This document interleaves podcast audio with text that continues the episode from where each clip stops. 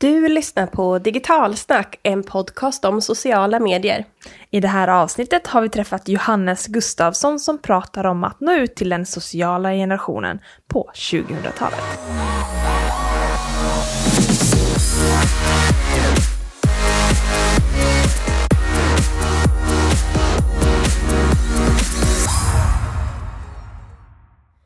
Hej och varmt välkommen till Digitalsnackpodden. Det här är podden som ger de där intressanta insikterna och intervjuerna om sociala medier. Och i det här avsnittet har du Cecilia träffat Johannes och pratar om, om de här människorna som är uppfödda med sociala medier ända Mm. sedan barnsben. Precis, och det är de som inte kan svara på frågan så här, använder du internet? Nej. För de förstår inte riktigt vad internet är.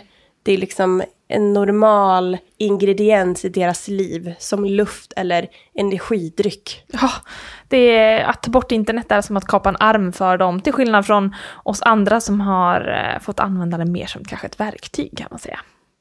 Och jag träffade då Johannes Gustafsson som är författare av boken Uppfödd på nätet, lär känna den sociala generationen. Och där pratade vi om just, ja men, vilka tillhör den sociala generationen? Vilka är de? Vilka kanaler hänger de på? Vad vill de se när de väl är på kanalerna? Och vilka krockar kan hända när de här olika generationerna möts i sociala medier? Och sen också deras relation med influencer. Jag gillar den här boken, den har ju bilder och känns väldigt lättläst och uppdelad och sådär. Den är riktigt, Eh, riktigt fint snygg. gjord. Och vi pratade mycket om ja, men, företagsorganisationer, kommuner som väljer bort kanaler där den här generationen finns på grund av exempelvis resursbrist. Och vad man gör då är ju att man helt och hållet missar eller bortser från att kommunicera till en ganska stor del av den svenska befolkningen. Och det pratade vi om, det tyckte jag var sjukt intressant. Så eh, lyssna på intervjun här.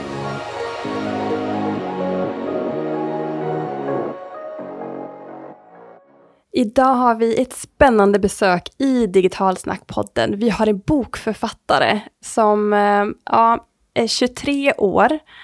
Vad med det nu innebär, känner mig supergammal. Välkommen till Digitalsnackpodden Johannes. Tack så mycket.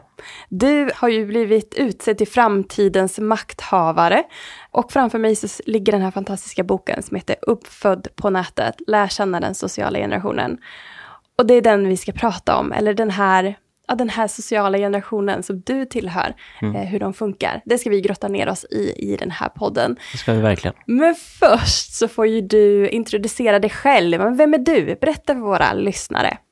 Nej, men jag har alltid varit intresserad av media och eh, sen jag var 12 år så har jag sprungit runt hos mina grannar och sålt eh, GT, alltså Göteborgstidningen, på eh, helgmorgnarna.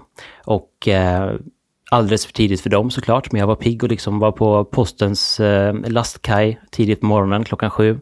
Sprang runt med mina tidningar. Så att man kan väl säga att, att eh, mitt intresse för media började med trycksvärta på fingrarna. Så det är lite så här målande bild, att det började redan då. Och lite så här kombinera just den här boken som ligger framför oss med det innehållet som vi kommer att prata om. Precis, det låter nästan påhittat, men det är helt sant. Och eh, sen så fortsatte det här intresset för media. När jag började gymnasiet så började jag skriva för lite olika tidningar för att bara få in ett ben liksom i, i branschen. Och eh, så småningom så startade jag också en podcast tillsammans med min eh, kompis Manfred som idag är en av Sveriges största YouTubers. Och eh, den här podden hette ännu en podd, för det fanns redan så många. Och eh, vi pratade med internetkändisar som, eh, som liksom, den här podden är ju fruktansvärt dålig att lyssna på i efterhand. Det är hemskt sådär. Vi satt över Skype liksom och försökte göra varandra hörda. Men eh, det var jättelärorikt och eh, vi gjorde runt 40 avsnitt och nådde runt eh, 2 miljoner nedladdningar eller något sånt där. Vilket för den Wow. tiden var ganska så här för en ungdomspodd. Idag har du ju Bianca och Alice och alla de här ehm, poddstjärnorna. Men eh, då var det ganska unikt fortfarande. När min redaktör på de här tidningarna som, eh, som jag skrev för fick reda på att jag och Manfred hade den här podden så fick vi frågan om att eh, ta fram en helt egen tidning, alltså tryckt på döda träd. Eh, så liksom i eh, tidningshyllan i butikerna. Och den hette Oh My Vlog och den handlade om just sociala medier och influencers och, och allt kring det. längs vägen så blev jag ju eh, insyltad i det här med eh, influencers och eh, bara internet överlag. Blev involverad i något som heter Tubecon som var kort bara så här en, eh, en svensk eh, YouTube-turné som eh, började på Stockholmsmässan i januari 2016. Då eh, bestämde vi oss för att eh, ta in, vi hade sålt eh, ungefär 2500 biljetter på kvällen när vi stängde igen eh, förberedelserna som vi hade gjort inför eventet. Sen när vi kom dit dagen efter så stod eh, 2500 pers i kö och eh, bestämde sig för att det var en bra idé att, att ställa sig i kö och överrumpla oss eventarrangörer. Och då såg vi att det här är ett jättestort engagemang som vi måste ta tillvara på såklart. Och vi såg att folk hade åkt från, liksom, ja, men från norr till söder till Stockholm, som så ofta är Eh, där det händer, för att träffa sina idoler, som i det här fallet var liksom influencers som vi hade med oss.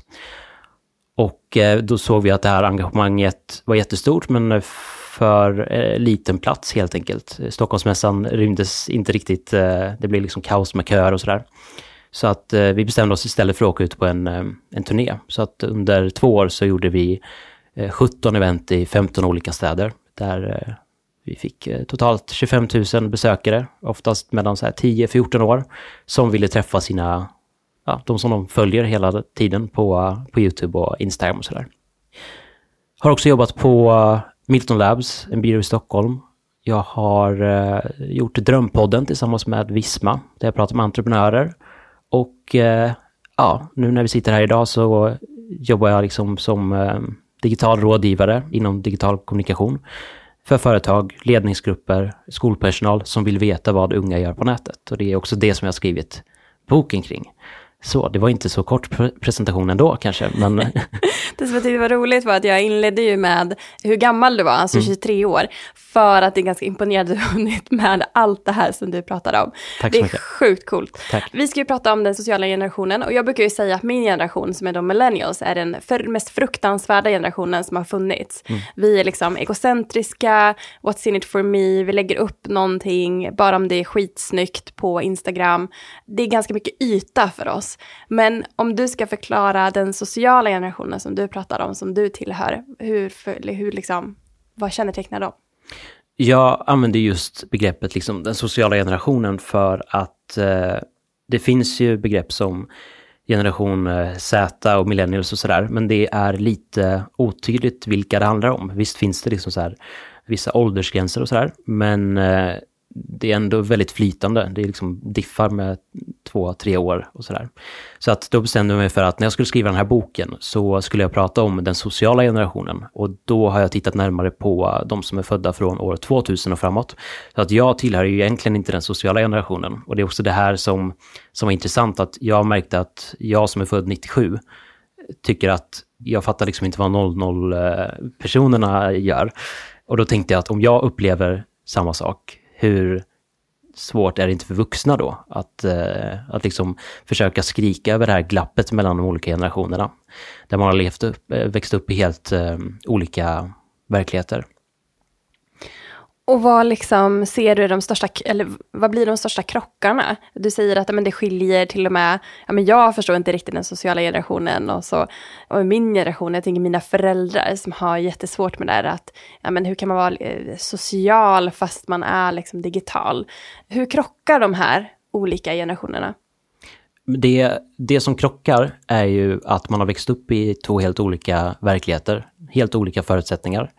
Eh, jag till exempel då, som sagt bara tre år ifrån den sociala generationen då, som jag definierar den. Jag kommer ihåg ett liv innan internet, inte, inte som att eh, internet inte fanns 97, det fanns, men vi hade dem inte, i, liksom, det fanns inte i alla svenska hem, så att jag kommer fortfarande ihåg mina första år när jag inte hade liksom, eh, ja, men en router hemma. Och eh, som sagt då, då är ju skillnaden jättestor på de vuxna. Eller så.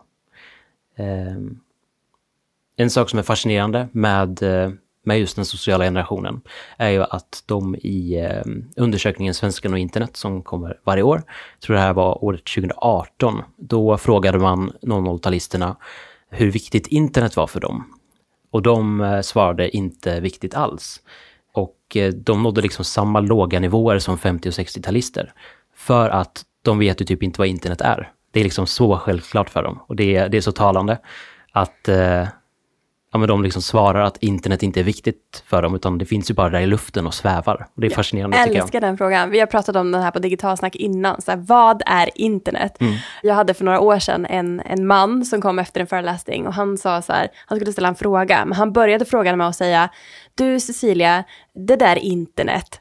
Och det var så här, det definierade så himla mycket att man, man såg det som, som någon grej, medan unga inte gör det. Mm. Och att det blir svårdefinierat för båda generationerna, fast på två olika sätt. Mm. Det är ganska, det är coolt. Ja men verkligen. Och ett sånt exempel på när det krockar är ju till exempel att man, eh, man ifrågasätter varför unga sitter och kollar på när andra spelar spel på YouTube. Alltså typ Pewdiepie. Varför sitter man och kollar på, att, på när han eh, spelar olika spel och eh, levlar banor och allt sånt där. Men samtidigt så sitter man där liksom i mars och kollar på Vasaloppet och följer det slaviskt. Det är ju liksom eh, egentligen precis samma sak. Det är bara olika generationer. Ja, vad spännande. Men om vi tittar på den sociala generationen, vilka kanaler använder de? Det är ju framförallt eh, just nu då, utan att ha svenskan och internet eh, framför mig här, så är det ju TikTok som man pratar mest om. Men det är också Snapchat och Instagram skulle jag väl säga.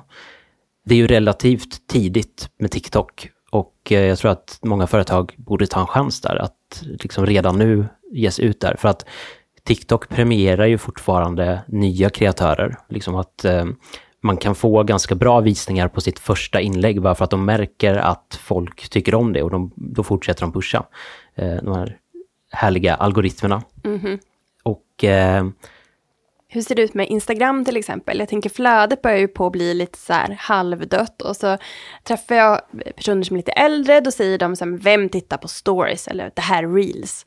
Märker du att det är någon skillnad där beroende på ja, men vilket åldersspann man tillhör? Eh, Att man använder kanske olika delar av olika eh, sociala medier? Ja, men det tror jag absolut. Jag är ju ett stort fan av stories själv. Och eh, det som är intressant också med den yngre generationen är att de ofta har, de har det finns en nidbild kring dem, där de tar eh, selfies framför spegeln liksom med blixt. Men det glömmer man ju kanske bort att det var ju liksom ganska länge sedan. Man har fortfarande den bilden av dagens unga. Men idag handlar det ju mycket mer om att hålla sig för sig själv. De är ganska måna om sin, sitt privatliv liksom. Och eh, därför så är det oftast låsta konton. Så att det tror jag är en av fördelarna med, med Instagram. Man såg ju till exempel 2013, redan då så försvann alla unga från Facebook för att deras föräldrar började komma. Och man ser väl lite samma sak. Nu börjar föräldrarna komma till Instagram, eller de flesta föräldrarna har Instagram. Och då rörde man sig vidare mot Snapchat. Och sen så kom TikTok som var liksom en förlängd version av, eh, av Snapchat, en muterad version av det. Och, eh, och tog över ännu fler delar. Och där ser man väl också att rörligt innehåll är överlägset. Att det är därför man, man går till TikTok.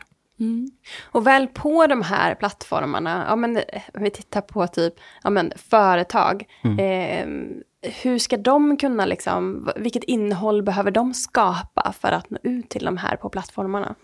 som alltid relevant innehåll. Att det inte funkar längre att liksom köra ut kampanjer på samma sätt. Folk bryr sig inte om, eller den sociala generationen bryr sig inte om, att, eh, att det är extra pris på den här fläskfilén. Utan man kanske vill veta hur man tillagar den här fläskfilén snarare.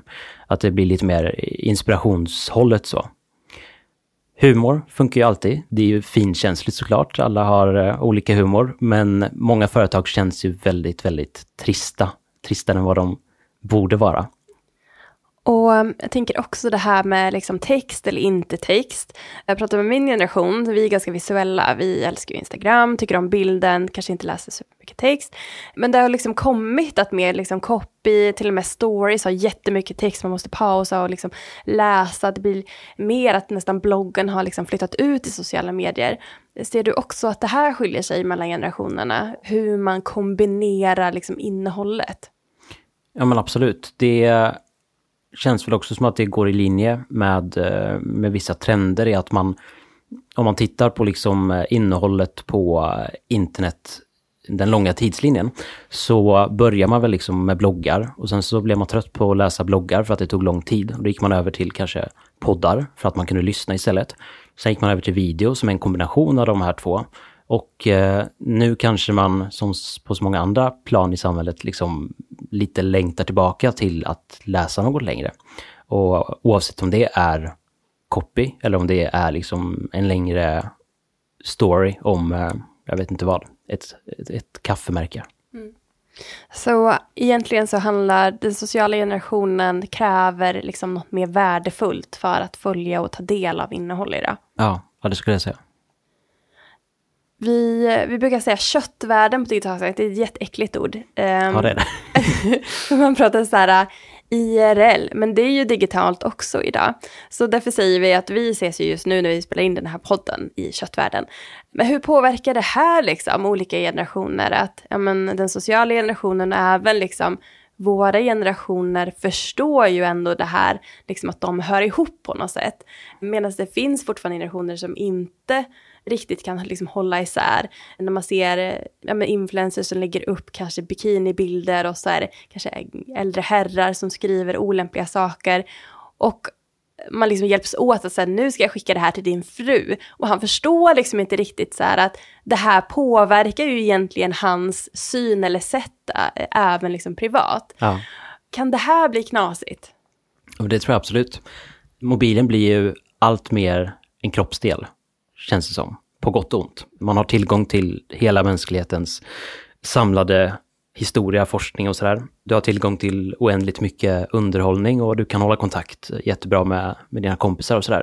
Men sen finns det väl säkert eh, nackdelar utan att jag, jag är en, eh, jag är ju inte liksom eh, psykolog eller på något sätt så, men man kan ju tänka sig då, och många av de forskarna som jag pratar med i min bok säger ju också det att man kanske får problem i det långa loppet med att till exempel läsa varandras känslor. Och en sån sak, ett konkret exempel, är ju att jag kan ju känna när jag läser ett mail och det inte finns någon smiley eller någon emoji i, så kan jag uppleva det som att eh, personen på andra sidan mailkorgen liksom är upprörd. Och det, det är så intressant hur min pappa ibland skriver OK, punkt. Och det skulle jag ju aldrig kunna skriva till min eh, sambo till exempel, för då hade det upplevts jättedrygt. Jag vet inte om det var svar på frågan ens, men Jo, men jag tycker ändå det. Att det min mamma ger också väldigt korta svar. Jag vet ju att hon är världens gladaste människa, men det syns inte utåt. Och det är kanske där den yngre generationen är bra på, att uttrycka sig i liksom, digitala sammanhang, precis hur man känner sig. Att man liksom kan lägga till emojis eller utropstecken eller för att verkligen säkerställa att den på andra sidan förstår att nu är jag glad eller ledsen eller vad det nu kan vara. Medan äldre generationer kanske är lite svårt att det blir liksom ett uttryck bara. Kan det vara så? Ja, absolut. Och eh, jag tänker att den här sociala generationen är ju proffs på att kommunicera. De har, liksom, eh, de har inga egenupplevda minnen från före internet, eh, när man fortfarande skrev liksom, eh, skrivstil på lektionerna i skolan. Utan man kanske till och med har växt upp med att man använder surfplatta. Det är ju där vi är nu liksom. Och eh, ja, men de är ju superkommunikatörer, många av dagens unga. Som gör bättre jobb än många traditionella reklambyråer. Liksom. Mm, ja men precis. Och många menar ju att man ska ta in liksom, de unga att samtala med liksom, sin egen generation, att det blir svårt för ja, men en marknadschef eller en kommunikatör som inte alls tillhör generationen att ja, men på något vis skapa innehåll som är anpassat. Kan det också vara en idé? Det tror jag. Man märker väldigt snabbt också, det kan jag ju också känna att så här, det här är inte någon i min ålder som har skrivit, utan här har man lagt in typ en aubergine-emoji som betyder något helt annat egentligen bland unga. Eh, liksom kontexten där. Mm, vi hade en styrelsemedlem som eh, verkar i, i printbranschen. Han trodde väldigt länge att det var en emoji som visslade, fast det var en pussmun. Och den hade han skickat runt innan han förstod, eller någon liksom väldigt snällt påpekade det. Jag, jag har Eh, sett den på annat håll också, själv upplevt i mail och sådär. Intressant. Det, är jätte, det blir lite kul ändå, Mm, om jo, man kan ta det det. på rätt sätt. Så.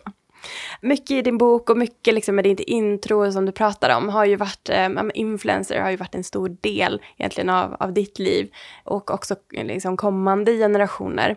Och krafter med influencer marketing har man ju också sett av. Du nämnde Manfred och mm. Hampus har ju varit med i våran podd. Varav inför eh, det här poddsläppet så um, la då Hampus omedvetet ut mitt telefonnummer på sin YouTube-kanal. um, och det dröjde inte jättemånga sekunder innan det bara haglade in sms på min mobiltelefon från hans fans. Och mm. jag bara, vad, vad händer? Innan jag förstod liksom att det här låg på hans YouTube-kanal och fick liksom där, dags att blurra liksom. Mm. Då förstod jag kraften med influencer marketing och det, det låg uppe bara några få minuter innan jag förstod att det, eh, att det var därifrån det kom.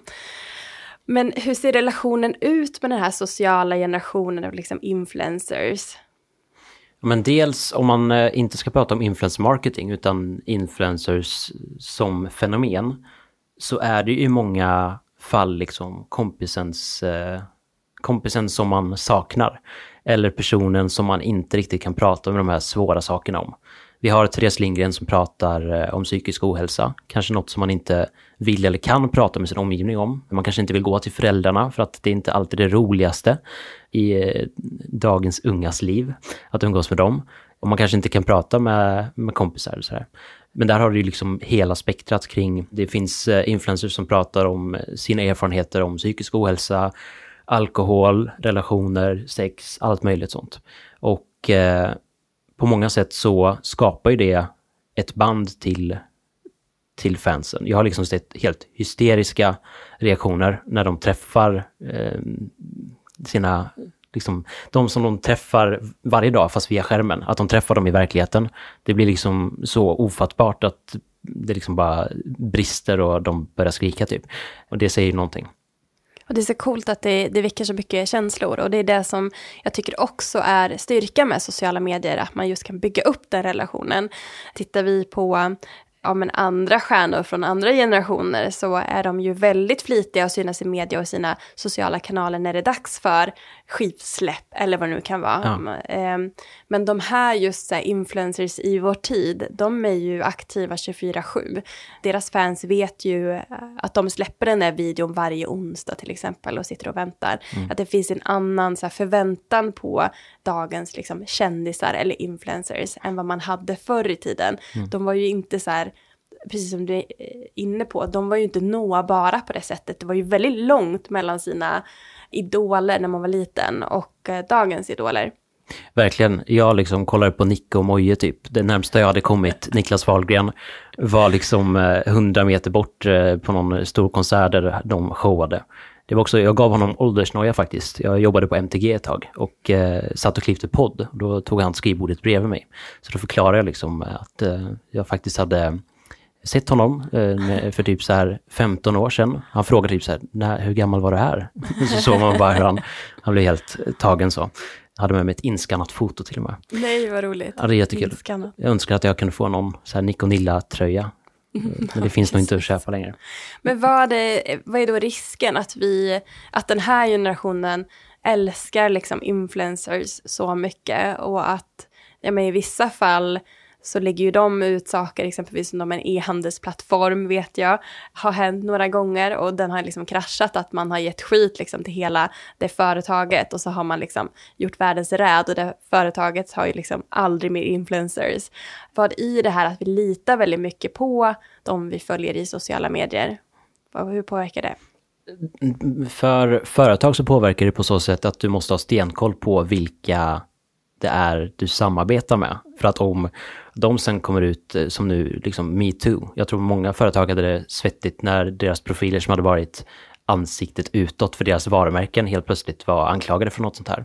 Sen kan man kanske inte lasta företagen för det alltid. Vissa saker kanske borde ha varit uppenbara, att de inte hade helt schyssta värderingar och sådär. Men idag också när kunder, eller inte kunder, men liksom följare kan påverka så mycket att de liksom kan sänka ett varumärke på nolltid om någon som de har samarbetat med till och med har gjort någonting som företag inte har med att göra. Men bara för att liksom knyta an till det här som du säger med, eh, med att eh, företags hemsidor har kraschat och sådär. Känner du till Matgeek? Som är en, en svensk eh, Jag är ju ingen YouTuber som är- matlagare, så att det är nog därför. Ja, Fel förstår. målgrupp. Jag förstår. Men det är, det är i alla fall en svensk YouTuber som heter Johan Hedberg som kallar sig Matgeek då. Och han tipsar ofta om liksom så här, ja, men, mat, vin på sin Instagram. Och med jämna mellanrum så lägger han upp till exempel då champagne som han är ett stort fan av. Importörerna har ju liksom slut i lager i veckor efteråt för att liksom går åt så jävla snabbt. Samma sak när han introducerade en riskokare. Det här var inte ens något betalt samarbete med det här företaget utan han länkade bara i, i liksom beskrivningen. Och eh, de fick också liksom helt slutsålt och var tvungna att importera mer. Det är häftigt. Men bl- blir vi mer liksom skeptiska också kring de här samarbeten? Ett exempel är när eh, Bian- Bianca Ingrosso sitter och badar med en handduk fullmakead med en Daniel Wellington-klocka som, inte, som klarar knappt dammpussa på sig. Då blev det ju en del reaktioner, men vissa inte, som tycker att den här klockan är helt fantastisk att bada med.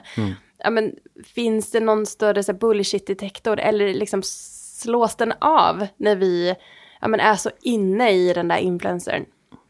Jag tror att det beror lite på ålder såklart, men det man ser bland dagens unga är att de är bättre på källkritik i många fall än vad vuxna är. Därför hoppas man ju att det även genomskådas i influencersamarbeten. Det tycker jag också att man ser i typ kommentarsfält på YouTube, att om någon har gjort tre stycken samarbeten i rad, då är man missnöjd över det.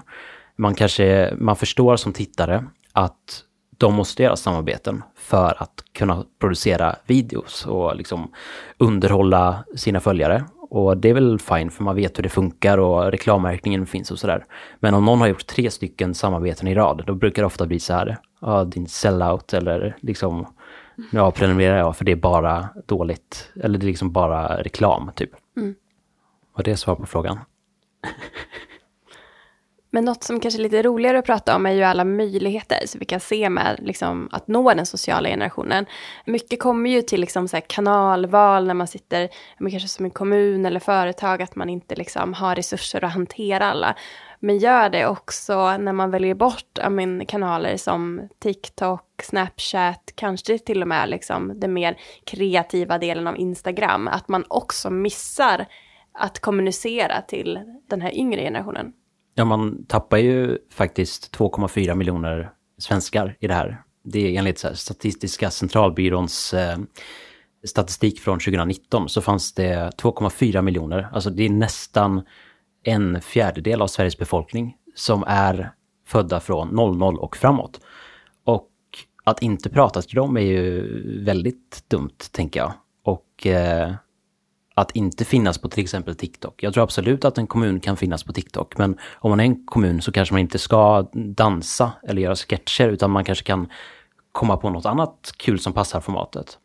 Jag har ett exempel från tidigare i år, när jag eh, liksom i, eh, i vågorna efter eh, corona, eller efter pågående liksom, men, men precis när det fortfarande, det var ganska tidigt ändå. Jag tror att det var, ja det var ju första april, så körde jag ett aprilskämt på LinkedIn. Där jag skrev att jag eh, hade slutat med mina företag. Jag hade istället gått vidare till Folkhälsomyndigheten och var head of TikTok för att jag skulle lära barn hur man tvättar händerna. Och det var ju många som liksom tyckte att det lät fullt rimligt. Och så här i efterhand, det var ju bara ett, ett skämt som jag tänkte låg rätt i tiden. Ett aprilskämt, liksom. Men det var många som dels trodde på det och sen sa liksom att så här, de kanske borde ha någon som ändå har koll på TikTok och når ut med samhällsinformation. Mm. Ja, men eh, helt sant. Och det blir lite läskigt när du säger 2,4 miljoner att man missar. För oftast blir ju en resursfråga. Och sitter jag och äh, tillhör en annan generation så är det klart att det, det är lättare att liksom ta bort sånt som man tycker är, är jobbigt och liksom att man inte själv har koll på. Men jag vet hur Facebook funkar eller ja, kanske Instagram. Så att det är lättare för oss att sätta en strategi. Och det andra, men det väntar vi med väldigt länge. Men det är som du säger, man exkluderar verkligen en stor del av Sveriges befolkning. Eller sin kundgrupp som kunder blir. Och det skulle man absolut inte göra med någon annan om man skulle dela upp eh, befolkningen i en annan målgrupp. Så här, exkludera alla pensionärer. Jag kan tänka mig att det är motsvarande siffra. Liksom. Det skulle man inte bestämma sig för att typ inte finnas... eh, Man skulle aldrig ta bort eh, fysisk information i form av reklamblad för pensionärer som behöver det. Nu är det ju på gång, men du kanske, ja, du fattar liknelsen liksom, man exkluderar någon. Ja. Men det måste vara en jätte, jätte utmaning. Har du några tips på hur man tacklar den utmaningen? Ja, men hur kan man inkludera den här målgruppen? Hur börjar man? Prata med någon som faktiskt eh, använder de här sociala medierna och som vi var inne på lite förut att den sociala generationen är ju superkommunikatörer och eh, de är vana vid att eh, kommunicera med hjälp av digitala verktyg, text, bild, film. Och att i alla fall börja med det, kanske prata med sina barn om man har det. Se vad de tycker är liksom, skulle vara intressant att, att få upp i flödet på TikTok till exempel. Och 2,4 um, miljoner sociala förmågor är ju en möjlighet, men det kan ju också vara lite farhågor i det här kring sociala medier och den här generationen eller generationerna som också kommer som har helt växt upp med sociala medier och liksom typ mobilen. Vad, vad ser du här? Den heta potatisen i de svenska hemmen just nu är väl skärmtid. Och eh, att man diskuterar hur mycket, man, eh, hur mycket tid man spenderar framför datorskärmen, spelar Fortnite. Eller hur mycket tid man spenderar på Instagram och TikTok genom att scrolla genom det liksom eviga flödet, det oändliga flödet som bara fortsätter och fortsätter. Och det är ju rimliga frågor att ställa, men jag tror att man kanske borde lugna sig lite när det kommer till att, att liksom uttala sig om hur farligt skärmtid är. Vad jag vet så, så fick ingen liksom fyrkantiga ögon av att eh, titta på tv när den kom. Och jag menar, när boken kom så sa man också att, eh, att det var farligt att läsa och då framförallt för kvinnor och barn. För att eh, de klarade inte riktigt av det, sa man. Och många tycker nog att det är liksom en, en dålig liknelse just för att boken och eh, tvn inte är liksom samma sak att, eh, att jämföra. Men det bidrar ju också med mycket positiva effekter. Visst, du spenderar tid framför en eh, skärm med massa olika intryck och liksom beroendeframkallande algoritmer. Men å andra sidan så ingår det i ett socialt sammanhang som är viktigt för många. Man har sina vänner där och då vore det dumt att, plocka bort de vännerna. Man håller ju kontakt så nu för tiden. Och eh, det finns ett värde i att eh, spelande till exempel, i lagom mängd så är det liksom ett bra sätt att fly från vardagen av rätt anledningar såklart. Men jag tror att man som sagt ska liksom eh, kanske inte vara så alarmistiska, för man vet ju inte heller, vi är ganska tidigt i det här, man vet inte vad de långsiktiga effekterna är. Nej men precis, jag har ju en dotter som är 15 månader och det här tänker man ju redan nu på. Men det som är häftigt tycker jag att se henne när man då ger henne typ en iPad eller eh, telefonerna. Hon har ju stenkoll på hur man öppnar, hur man swipar. Det har hon redan lärt sig. Mm. Men också när hon inte riktigt kan prata så här supertydligt längre så blir rörelse väldigt, väldigt bra för henne. Så genom att vi ja, mycket teckenspråk på YouTube så kan hon prata med oss fast via teckenspråk nu. Och hon är även en killer på att ta koreografi. Så jag tänkte att vi kanske ska göra ett TikTok-konto till henne för att hon är så sjukt duktig på att dansa redan när hon är 15 månader och tar upp koreografi från liksom tv eller padda. Det är um, häftigt. Det, var mer än, det är mer än jag kan idag. så, att. så att jag ser ju också att, det, eh, att man, om man väljer sina sina saker så kan ju sociala medier eller digitala medier vara ett fantastiskt läromedel också. Men det får ju såklart inte ta all tid från ja, att må bra rent fysiskt också såklart. Precis. Och sen så kommer ju, sen tillkommer ju det här med, eh, vi ser med Trump till exempel och Rysslands påverkanskampanjer på Sverige. Vi har eh, allt från fake news till liksom dedikerade kampanjer där man sprider falsk information. Det pågår ju liksom i Sverige, det är bekräftat att, att det pågår kampanjer från främmande makter som, som sprider desinformation i syfte att splittra svenska befolkningen till exempel. Och eh, det är en sorts krigsföring och det blir väl jätteintressant att se liksom nu när dagens unga växer upp hur det, hur det liksom blir långsiktigt. Går de på det här eller genomskådar de det på samma sätt som, som de gör med, eh, med liksom nyheter, källkritik där? Eller är det någonting som kommer prägla de hundra närmsta åren? Ja, det där är ju sjukt intressant hur vi kommer hantera det här. För det är ju eh, ytterst lite sånt som man eh, ser på nyheterna. Det är väldigt mycket fysiska krig fortfarande i det, liksom det fysiska rummet och inte så mycket vad som sker digitalt parallellt med det, hur vi påverkas. Det skulle jag definitivt vilja att eh, politiker sätter det högre upp på agendan ganska snart. Alltså lagen som, eh, som hanterar internet överlag är ju typ från 70-talet och heter lagen om elektroniska anslagstavlor eller något sånt där. Sen finns det ju såklart andra regler och förordningar som har tillkommit efter det, men att det fortfarande är ramverket är ju helt, liksom, kom igen, elektroniska anslagstavlor. Mm. Men där har ju plattformarna också ett jättestort ansvar. Vi ser eh, folkmordet i Burma till exempel, 30 000 döda, 700 000 på flykt. Det har ju visat sig att det var Facebook som, som bidrog till det när de inte sorterade bort eh, hatiskt innehåll som nådde ja, invånare i, i Burma. Och eh, det har ju de själva erkänt till och med. De har kommit fram med det i en, i en rapport. Så, så att, ja. Det är mycket um, som vi inte tänker på när vi scrollar genom flödet och hittar roliga recept på fläskfilé eller vad det nu kan vara. Mm. Men om vi skulle avsluta med vilka tre lärdomar som du skulle skicka med våra lyssnare som liksom vill nå den här generationen i sociala medier. Hur börjar man? Vad ska man göra? Tre tips om jag ska hålla det enkelt och ganska generellt då. Hänga med i svängarna, inte vara låst till en budget eller att man inte ska vara låst till eh, en marknadsplan som man har satt för de närmsta två åren. För att det är företag som jag jobbar med som fortfarande är så pass traditionella att de fortfarande har det här Excel-arket där de har planerat alla marknadsföringsaktiviteter det närmsta året åtminstone. Du vet liksom inte ens om Instagram är populärt om tre månader. Det har vi sett nu med TikTok. Instagram är ju superstarka, men å andra sidan TikTok kom från ingenstans och bara sopade undan alla. Det är snabba förändringar. Andra tipset, dra nytta av all statistik som finns företag blir fortfarande chockade när jag berättar om Facebook Business Manager. Att det finns data om alla Facebook-användare som är så här. Du kan rikta in dig på nyligen förlovade personer. Du kan rikta in dig på folk som har sökt efter skruvmejslar. Det här är ju fantastiska chanser. Det gäller ju också beteendemönster. I USA kan du till och med eh, targeta liksom, eh, politiska partier eller vad man har åsikter helt enkelt. Och så tredje, inte tänka så mycket, utan Kör bara kör. Ja, men lite så faktiskt. För att man hamnar oftast, och det gäller ju typ allt, att man hamnar oftast i, i den här banan där man tänker på att göra någonting, men det, kommer, det blir aldrig av. Mm. Det värsta som kan hända är att det inte går bra och då slutar man väl bara, mm. tänker jag.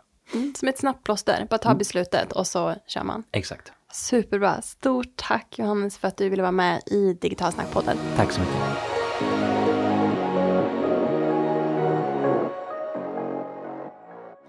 Och stort tack för att ni har lyssnat på det här avsnittet av Digitalsnackpodden. Och för att hänga med på när vi släpper kommande avsnitt så gå in på Instagram och följ om ni inte redan gör det. Och kommentera gärna på vad ni skulle vilja lyssna på för poddavsnitt nästa år. Och signa upp på vårt nyhetsbrev. Där ja. maxar vi verkligen både poddavsnitt, bloggar och annat spännande som händer inom sociala medier. Tack och hej!